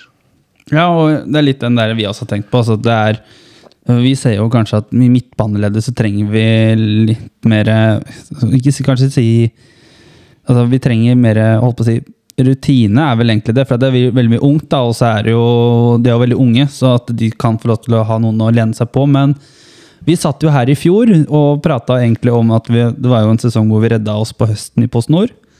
Og så satt vi og prata om hvordan type spillere vi skulle hente. Og vi blei vel enige om her at uh, man hadde masse ønsker og litt sånne ting, men det som kanskje var vår, vår liksom sånn, vårt område da, for å hente spillere, det var de beste fra nivået under. Og på de laga som kanskje da rykka ned fra Post Nord. Er det litt der vi er nå også? At vi er liksom på det nivået at vi skal hente spillere fra toppen av Post Nord? Og kanskje de laga som ligger i bunnen av Obos, som kanskje har rykka ned, eller utlånsavtaler, som du sier, da, er det liksom det, det som kan være markedet til Moss i år? Å treffe riktig der? Ja, Når man ikke har penger, så må man, eh, så må man være ekstra flink med de pengene man har. Man ser f.eks. sånn som eh, KFM Oslo har jo henta spillere fra Post Nord-ligaen og fra til og med tredjedivisjon, og noen til og med helt nede i fjerdedivisjon, som kan komme inn og være og kan være bidragsytere. og man må, man må rett og slett kjenne divisjonssystemet veldig godt. For Moss har ikke råd til å bomme på noen på noen signeringer nå. Spesielt ikke hente inn noen dyre utenlandsimporter som man, som man eh, er kanskje litt sånn semisikre på at det kommer til å slå til. Det, det, har, man ikke, det har man ikke råd til. Man må, man må være veldig smart i rekrutteringa si. Og det er utrolig mange gode fotballspillere i Post Nordligaen. Det er det også i tredjedivisjon. Men jeg tenker også en, en, positiv ting er jo geografien til Moss. da. Moss er en klubb som eh, ligger ganske sentralt til på, på Østlandet. Det bør ikke være veldig vanskelig å få, å få spillere til å signere, signere, for Moss, som kanskje kan studere ved siden av. Men også en annen ting Jeg har tenkt på, jeg er ikke så veldig glad i disse pendlespillerne så med en gang trening er over, så er det bare å kaste seg i bilen inn til, eh, til Oslo. Jeg tenker jo liksom det, det, aller beste er jo å få spillere til å flytte til Moss. Bli en del av lokalsamfunnet. Vise seg liksom på byen, vise seg i, eh, i eh, gågata. Og liksom virkelig trykke Moss til sitt bryst. Da. For det trenger ikke å være elleve spillere som er født og oppvokst på, på Jeløya eller på, på Melløs de spillerne man setter ekstra pris på, er jo de som man skjønner at liker klubben godt. Det er sånn som mm. Thomas Clausen. Thomas Clausen er jo absolutt ikke noe mossing, men han er blitt det. Ja, ja. Og det er jo flere av det. Sånn, sånn som vi har Alexander Håpnes her òg, er jo veldig godt likt uh, i området han bor her, ikke sant. Jobber på Melhus skole. Mm. Er liksom godt ja, Trives her. Og du, du, ser også det er sånn som Claudio Braga også, det. Altså, han Uh, er jo trener på et yngreslag, han er jo så godt likt og alt den jobben han gjør rundt banen. da, men der ser du liksom, Vi har jo veldig mange som bor i Oslo, det har vi. Men jeg har jo sett noen spillere, sånn som Marius Andresen nevnte det at uh, kanskje at de må vurdere å begynne å flytte til Moss hvis pendlinga blir litt vanskelig med trening. og litt sånne ting. Fordi at det er en annen hverdag som treffer dem nå. da. Nå er det jo sånn at nå vet du at du skal spille kamp i helga, og så er det som regel faste tidspunkter. Sånn som det har vært i år, så kunne du spille klokka seks på søndag. Og neste lørdag så spilte klokka ett borte i Bergen, liksom. Men så er det jo sånn som nå òg, da. Det er jo det å rykke opp til, eh, til Obos-ligaen betyr jo at nå har jo, nå har jo Moss blitt en arbeidsgiver. Nå kommer man jo opp til en profftilværelse. Selv om kanskje ikke lønnsposen tilsier at uh, at man er, eh, at man er heltidsproffer. Men det er noe helt annet å være en del av eh, norsk toppfotball. Sånn som i Post Nordligaen så er det jo så klart noen, noen klubber som betaler veldig godt og absolutt kunne kunne gjort seg bra i Obos-ligaen rent, eh, rent, økonomisk. Men nå, nå, man, nå, nå kommer man inn i en profftilværelse proff tilværelse hvor man må sette mye mer krav til spillerne om tilstedeværelse f.eks. på trening og holde seg i, i fysisk form. Og nå er det ikke noe sånn at man kan bare ta seg fri noen kamper for at det er litt tøft med studier og sånn. Nå er det faktisk en ordentlig profftilværelse man man, eh, man, går inn. Og da må man eh, gå all in, altså, for det er et helt annet nivå å spille 30 kamper i Obos-ligaen i forhold til å spille en full sesong i Post Nord-ligaen. Ja, jeg er enig med deg der. Og vi snakka litt om spillere og sånt. Jo, du snakka litt om KFUM og sånt. De har jo hatt god suksess blant annet med å hente spillere fra Moss uh, tidligere. Uh, jeg har jo liksom sett litt på sånn som har, Han der Remi Svindland, da, han har jo ikke spilt så mye i år. Uh, han har spilt litt, da, men har jo ikke vært i førsterekka.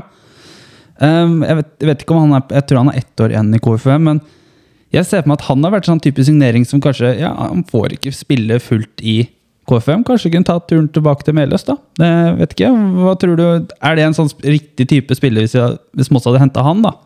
Ja, ja, det vil jeg si. Det er en spiller som har blitt en uh, rutinert Obos-spiller. Og det er jo sånn som det er i Obos-ligaen. Det er jo en del korte kontrakter. Det er mange som går ut av uh, kontrakt hvert uh, eneste år i Obos-ligaen. og da da handler det for Moss da, om å klare å selge, selge, seg så godt inn som mulig, og hvorfor du skal, uh, hvorfor du skal ta det, turen til Melles og spille der. Men det er jo som regel det vi ser i, på overgangsvinduet i Obos-ligaen. Det er jo Bossmann-markedet. Det er ikke noen overgangssummer som regel i Obos-ligaen når man skal, uh, når man skal når man skal hente spillere, foruten sånn som kanskje de lagene som rykker ned fra Eliteserien, med en helt annen økonomi, sånn som det var med Brann. Men jeg har jo egentlig sagt gjennom hele sesongen i år at uh, Brann har jo egentlig vært det 17. laget i Eliteserien. Ja, de har jo drifta og oppført seg som et eliteserielag. Ja, ja, og, det er, eh, og det merker, man merker jo det veldig når jeg har vært veldig mye på Brann stadion i år. Det er jo en helt spesiell klubb i norsk uh, sammenheng hvor man kan være misunnelig på det koket som er rundt eh, kampene der, og se hvor mye Brann betyr i Bergen. Det er jo på en måte sånn som man har lyst til at det skal være i alle klubber. at Hvis du går på gågata, gågata i Moss og stiller fem spørsmål hva er Moss fotballklubb betyr for deg, forhåpentligvis så er fire av de har et eller annet å si om at de, om at de holder med Moss og følger med det som skjer. Mm. Ikke det at det bare Å ja, nei, Moss, nei, det følger jeg ikke med på i det hele tatt. Det Eller er bare, bare dritt, eller liksom sånn som det også har vært. da For du har jo sikkert kjent litt på den duoen når du var her eh, tidligere yngre, at det var alltid noen som hadde noe at ja, nei, bare dritt med Moss og ja, den negative, den negative biten. Sikkert også litt fortjent også for Moss fotballklubb sin del, men men sånn som det har vært nå, da, så tenker jeg at eh, ja, det har jo vært en uheldig situasjon for noen uker siden, men eh, men ja, det, altså det bygges jo opp et eh, Prøver å bygge et positivt omdømme nå, i hvert fall. Ja, og Ja. det omdømmet kan øh, man bruke lang tid å bygge opp, men så tar det som regel ikke så veldig lang tid å rive dette omdømmet ned. Det er to negative økonomiske saker i Moss Avis. Det, så, det, så får folk med seg de øh, overskriftene, og så Eller lørdag, eller lørdag i oktober i 2018, for eksempel. Du, så det også, det veldig mye ødela ble ødelagt da òg. Absolutt. Ja. Så nei, det skal ikke så mye til for å rive ned, men det er langt å eh, bygge opp, som det heter. Som du sa. Ja. Ja. Eh, Men vi har vel noen flere spørsmål, har ikke det, Christian? Ja, det var litt mer eh, Skal vi se jeg må, oh, Unnskyld. Inn i mikrofonen. Ja. Inn i mikrofonen. Skal vi se Nei, det er jo Martin da som snakka litt om dette. Vi har vært veldig mye innom de spørsmålene han har stilt. Vi altså Amund har jo dratt det, innom, eh, dratt innom en del. Du merker at han jo jobber i media. Ikke sant? Vi se Nei, Han spør bl.a. om noen nye, nye spillere er på prøvespill den siste tiden. Og det var vel fire stykker på prøvespill nå? Ja, eh, og Marius, du hadde litt kål på dem. Uh, nei, ikke veldig. Bare han Bergum som uh, fra Kis, Lillestrøm slash Kisa. ja. Ja. Som Kanskje- spilte jo mye i, for Kisa i fjor. Så Amund kanskje kjenner noe til han, eller? Hvis du har spilt noe i Lillestrøm når de var i Obos? Ja, Martin Bergum ja, han var jo lånt ut til Kisa, Kisa i år. Er jo milevis unna startplass i Lillestrøm på, på midtbanen. Det er jo en sånn sentral midtbanetype. Mm. Det Han var har det. også bygd litt, grann, bygd litt grann erfaring nå, da. Ja, ikke sant? Og, Han er ikke så før- førstereisgutt uh, lenger. og alderen på han var 20-21, var det det? Noe i den døren. Ja, ja ikke sant? Um, men uh, sånn uh, hvor- Ja, det nærmer jo seg slutten her nå. Vi har jo sittet her og prata og gosa oss og mimra litt og sånt nå litt over en time, men jeg vet ikke, jeg, jeg klarer fortsatt ikke å gi litt tett slipp på den der, det opprykket. altså det har fortsatt egentlig ikke helt gått helt opp med at vi skal faktisk spille på neste, neste øverste nivå igjen. Det er, sånn, det er veldig rart, fordi det har, det har vært så lenge siden vi har vært der oppe. da. Altså, Du jobba i Moss uh, sist gang. Det er 13 år siden. Ja, det, det, er, eh, det er ganske rart. Altså, jeg flytta jo fra, eh, fra Moss det året man rykka ned fra, fra Obos-ligaen. Nå rykka man jo ned i 2010. Var Mm. sist i Eliteserien i 2003. Husker jeg. To. grusomme tapet ja, I 2002, ja. Grusomme tapet hjemme mot eh, Stabæk i siste serie. Under 2017 så var man helt nede i tredjedivisjon, så Ja. det å holde med Moss er en det er en påkjenning, altså. Rett og, Ja, det- det- rett og slett. Er, det, er, det er eh, dype daler, men så får man jo liksom sånn som den kvelden på Ullern, da. Mm. På måte alt er verdt det, og man skjønner hvorfor, eh, hvorfor man reiser land og strand rundt for å, for å følge med på følge med på fotball. Nå får jeg håpe at den Ullern-kampen der og opprykket og scenen etter der er noe man virkelig kan bygge videre Ja, jeg får bare på tårer i øya og prate om det. Altså det, så det, nei, det var en uh, det var mektig, mektig dag, det der. Altså. Det var uh, mye grining og hulking. Jeg merker jeg sliter allerede nå. Jeg må bare prate om og snakke, tenke på Det, Ullern. det var vår dag. Ja, det var det. Det har vært mye rart å sette Moss tape 5-0 hjemme mot Førde her og litt sånne ting. Det, er, det, har, vært, det har vært mye rart. Mye mye Å, fy faen, altså. Nesodden, da, som vi har tapt mot, som rykka ned til femtedivisjon samme dag som vi rykka opp til førstedivisjon. Det er litt sånn Ah, fotball, ass. Fy faen, Ja, fotball. det er eh, det- drive, drive og røre rundt oss og møte de annetlaga til eliteserielaga. Til og med Odd 3 har vi møtt, av Amund. Ja, ikke sant? Ja, Men men se ikke på Obos-ligaen nå. Altså, sist vi var i Obos Eliteserien, så var liksom laget vi møter nå, og så oh, Jerv, liksom. Jerv var jo tredje-fjerdedivisjon sist vi var oppe. Ja, det var vel- KBK eksisterte ikke. da var, da var det Klausenengen. Ikke sant? Så plutselig er det liksom store klubber som, eh, som kommer til å være kjempevanskelig å spille mot. Ranheim har spilt eliteserie liksom, i mellomtida. Det, det, det er helt sjuke ting. Sandnes Ulf som vi har prata om. Det, det, det er bare Det er bare spinnvilt, liksom, hele greiene. Men eh, Ja, hvis vi kan uh, dra igjennom uh, den eh, Jeg kan finne det kjapt fram her i 2010. Det var jo Lyn man rykka ned uh, sammen med. Nybergsund, Nybergsund Trysil, Ja. Follo, Tromsdalen, Alta, Strømmen, Bodø-Glimt, Løvham. Så det har jo skjedd en del da, siden, uh, siden nedrykket sist. ja, det har det. Det har det. Det har Ja, det var jo 2010, det var det ikke da vi lei... Ja, at eh, Kenneth Kvalheim skåra hat trick borte i Bergen, og så lånte ut til Sogndal dagen etterpå, Hjelm. Stemmer ikke det?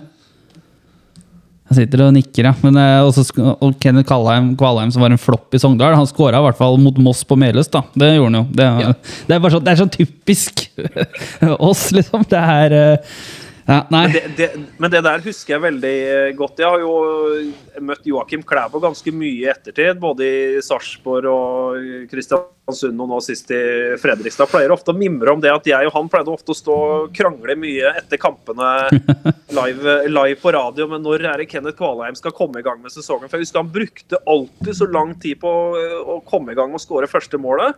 Og etter hvert så bare hagla det inn mål. Og det er en sånn spiller som jeg virkelig husker fra, fra gamle dager. Altså Kenneth, eh, Kenneth, eh, Kenneth Kvalheim. Herregud, for et målsnitt den mannen eh, hadde, hadde, hadde i Moss. Ja, ja. Utenom siste sesongen, da. Men da var han da var det sånn utypisk Kvalheim. Jobbefyr og sånt. Han skåra vel tre mål sånt for Moss den siste sesongen der, men allikevel, altså, det var jo sånn Men da var det jo ingenting som funka på det laget. Da, da skulle jo hva var det, Markus Ringberg skulle stusse i bakrom på Kenneth Kvalheim som skulle jage bakrom. Det var liksom Det er liksom sånn Kvalheim er ikke var ikke akkurat raskeste spissen heller, da, men han var jo målsnik, som du sier. Og Maskin. jævlig venstrebein. Og, og ikke, minst da, nå som, øh, nå som øh, man skal være i samme divisjon med, med Mjøndalen, så blir det jo et øh, gjensyn da, med Kevin Nicol, som spilte i Moss nedrykkssesongen. Han er jo nå ny, ny permanent hovedtrener i Mjøndalen. Så det er jo alltid litt sånn snodig når jeg, reiser rundt og intervjuer en del av disse spillerne som har fortid i Moss. Det, jeg, lurer på, jeg pleier alltid å nevne for Christian Mikkelsen i KBK med pølse i vaffel. og Jeg pleier å humre litt før intervjuene starter. når jeg prater med han. Det har ikke vært så moro å prate med, med han i år, når det har gått så dårlig som det har gått. Men de siste åra har det vært, eh, vært veldig moro. Det er jo en sånn spiller som jeg også husker veldig godt fra, Ja, her fra, fra gamle dager. Og han blir også et uh, gjensyn i år, da, med Ja, det, Kristiansund. Det, ja, det blir jo litt sånn Kristiansund har jo vært et sånt, holdt på å si, det har jo vært en sånn relasjon med Moss der med at ja, Geir Bakke har vært trener der. eh, Mahmoud El Hai dro jo på lån dit, vært spillende assistenttrener Tommy Edvardsen. Og det har jo Amin, Amin Askar da, og Klæbo og Mikkelsen. da, så Det har vært en del relasjoner til Kristiansund òg, da. Mm. Og ikke minst en veldig kul eh, bortetur. da, Litt eh, kronglete å komme seg til, men eh, over 4000 inne på den eh, Kristiansund stadion der, altså. Med fire årstider i løpet av eh, 90 minutter. Det er en veldig kul, kul bort bortetur. Jeg håpa de skulle klare seg Sandefjord skulle gå ned, for det har vært kortere vei til Sandefjord. Ja, det er på en måte det, det, det hører jeg hele, hele tida, at øh, alle andre lag vil ha Sandefjord i Eliteserien. For det er enkelt å komme seg dit, og så er det som regel ikke så veldig vanskelig å hente poeng. Nei, det, var det, det er også en annen sak. Det vet ikke hvordan det hadde vært for oss å dra til Sandefjord og hente poeng, men Nei, eh, men eh, før vi runder av her, Amund, så har han Christian Thusen Han har jo en liten quiz han, til deg, tror jeg. Eh, det, det blir jo ikke quiz i tradisjonell forstand i dag, men vi kjører ti dilemmaer. Eh, for, for okay. nå har vi blitt mer kjent med fotball-Amund. Ja. Skal bli litt, litt mer kjent med person-Amund. Ja, ok. Ja. Ja, det er litt fotball der òg, da. Selvfølgelig. Vi må jo lure inn litt fotball da, gutter. Skal ikke vi være med? Nei. Nei. Kjempegøy. Men, men det er bare fordi at det, jeg, jeg skal sitte sånn for det. Hjelp! Vi, vi kjører nummer én. Kommentere kamp på Lerkendal eller på Mus stadion. Å, Lerkendal. Jeg har, vært, jeg har vært, vært på begge to. Ser ikke så veldig godt på, på Mus stadion, men eh, Lerkendal er nydelig, altså. Men eh, går det ikke rykter om noe jævla bra eh, bakst på Mus stadion? Jo da, den er ikke så verst, så verst den, altså. Bollemus. Overraskende. Ok, vi går videre. Det er fotballfri helg. Ikea med kona eller ta en øl med gutta? Eh, det tror jeg faktisk hadde blitt Ikea med kona. Ja, for det hadde blitt kafeteriaen på Ikea, da. Hva det du sa for noe? Det hadde blitt kafeteriaen på Ikea Det, det blir kjøttboller. Det blir kjøttboller. Ja, nei, det, for, faktisk altså, jeg er eh, blitt ganske hjemmekjær. Er du, er du gift, Amund? Nei, jeg skal gifte meg til neste år. Hey. Og vi er invitert, vet du, gutter. Livepod. Jeg, jeg sier bare se etter når det er spillefri i Obos-ligaen. jeg. Livepod på bryllup. Eh, num nummer tre. Du skal ha pizza til middag. Med eller uten ananas? Jeg eh, har kjøpt med ananas eh, flere ganger, så jeg er på ja. Ja, ja, ja, ja, selvfølgelig. Amund er jo en fornuftig fyr. Selvfølgelig er det Ja. Nummer fire. Hva, hva ville du hatt? En million i banken, eller en bil til en million? En million i banken. Kjedelig, men smart. Nei, Discovery. Nei, det er bil eh, Jeg har en uh, bitte liten eh, Nissan Leaf, jeg, så bil det er ikke så veldig viktig for meg. altså. Nummer fem. Det er sommer. Bli grillet i Syden på stranda, eller norsk sommer med en kamp eller tre? Ja, norsk sommer med kamp eller tre. Det var, var kanskje litt ledende spørsmål der. Altså. Nei, sorry, sorry. sorry. No, nummer seks. Du skal ha noe godt i glasset etter en lang dag på jobb. Øl eller vin? Eh, da tror jeg jeg faktisk tar eh, øl, altså. Ja, ja, ja. Nummer sju. Katt eller hund? Det er soleklart eh, katt. Vi har tre katter. Ikke sant? ikke sant? Nummer åtte. Du får lov til å endre på én fotballregel. Her får du tre alternativer. Én. Innføre effektiv spilletid. To. Gå tilbake til tre innbyttere. Eller tre. Sette tidslimit på hvor lang tid VAR kan bruke. Det er tidslimit på VAR. No, Var det, var det forledende spørsmål igjen? Nei, sorry, altså. Nei, ja. Nummer ni. Men med, Ja. en gang jeg hørte det, så, så ja, Fader, effektiv spilletid òg. Det, ja, det har du sett litt nå i VM nå, da, at man faktisk eh, legger til det som skal legges til. Ja, det, er, det var jo det siste Colina hadde sagt. At nåde den av dere som ikke legger til nok tid. Og han, og han hører jo på, altså. Nå har vært snitt et kvarter i tillegg i hver kamp så langt i VM. Og det, jeg tror det vil ha en effekt etter hvert. da. At uh, når man uh, ser at ikke det lønner seg å drøye ut tida, for da blir kampen mye lenger, og da blir det enda lengre tid å forsvare seg. Jo, jeg bytter til effektiv spilletid. Men Christian, Ja. kan, kan, jeg, ja, ja, kan, hvis du legger til hens der, Amund, kunne du tenkt deg å endre den? ja, det. Ja, altså, ja altså, men som ingen, dommer- ingen, ingen forstår, står seg på heads-regelen lenger. ja, Jern. Ja, nettopp. Treffer ballen hånda, så er det hens ferdig snakka, så blir det jevnt over likt for alle. Men vi, vi, må avslutte, vi må avslutte, Hjelm, så vi kjører på. Nummer ni. Du må drikke én brus resten av livet. Pepsi eller Cola? Pepsi Max! Nei, Cola. Ja, ok, ok da. Du skal, få, du, du, skal, du skal få den. Så, så avslutter vi med et skikkelig dilemma til slutt. Nummer ti. Du får en reise i gave. En tur for å se én Champions League-kamp, eller bruke like mye på en tur på én uke med kamper fra klubber på lavere nivå. Altså én uke med deilig, deilig fotball mot én kamp. Nei, du, jeg tror faktisk jeg hadde valgt uh, low league da, altså. Det er det jeg sier. Amund han er en fornuftig fyr. Han. Det er noen som aldri Ja, vil rykke opp, vet det, du. Det er kunne Amund. jeg satt veldig Ja, ja, ja. pris på. Jeg er sånn som kan dra oss og se på en, eh, en lokal tredjedivisjonskamp liksom her i eh, Vestfold, ja, og så kose meg masse med det. En eh, tidlig cuprunde, for eksempel. og sånn, Helt enig. er helt topp. Du ender jo bare opp med å kommentere dem, jo. Ja, det er jo Ja, ikke det er det. Vi ble jo så overraska med den kvalikkampen til sprint i fjor. Var det ikke Amund som kommenterer? Han kommenterer han for Amedia direktesport? Jo, det var Amund. Kommenterte vel SF eh, borte, gjorde ikke det? da? Jo, du kommenterte også Sandefjord Råde òg, gjorde du ikke? det? Ja. Ja, nei, jeg hadde Ja. Råde, Rådekampen i år, og den ble jo bytta til Release Arena til og med, da, så det var jo en kjempefin eh, ramme rundt det. Men det var veldig spesielt for meg da, å kommentere Sprint Jeløy opp i eh, oppe i tredjevisjon, som liksom er min eh, moderklubb. Jeg husker jo det, Den kampen så spilte jo faktisk eh, Marius Gjesterudbakken og eh, Martin Tømt Jensen for Ja, eh, Jeløy. Og de var jo med å ja, i hvert fall Gjesterudbakken var jo med å rykke ned fra Obos-ligaen i sin tid, og jeg var jo, jeg var jo russ med Marius. Ja, ikke sant? Han er 88-modell, han. Ja. Men da er vi ved veis ende, er vi ikke det? Ja. Ja.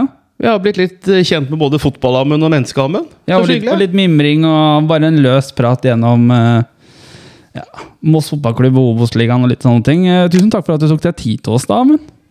Du, det er uh, gleden er på min side, så absolutt. Og så er det bare å ønske dere så masse lykke til som mulig den eh, sesongen. Altså bare nyte nervepirrende Kokosligaen. Jeg ser for meg at eh, Vi kommer sikkert til å høre med Amund litt seinere i år òg. Han er vel ikke vond å be å være med på noen episoder, du? Nei, nei, nei. Det er bare å, det er bare å sende en melding. Yes, Jeg gleder meg til man kan sette tabelltips. Ja.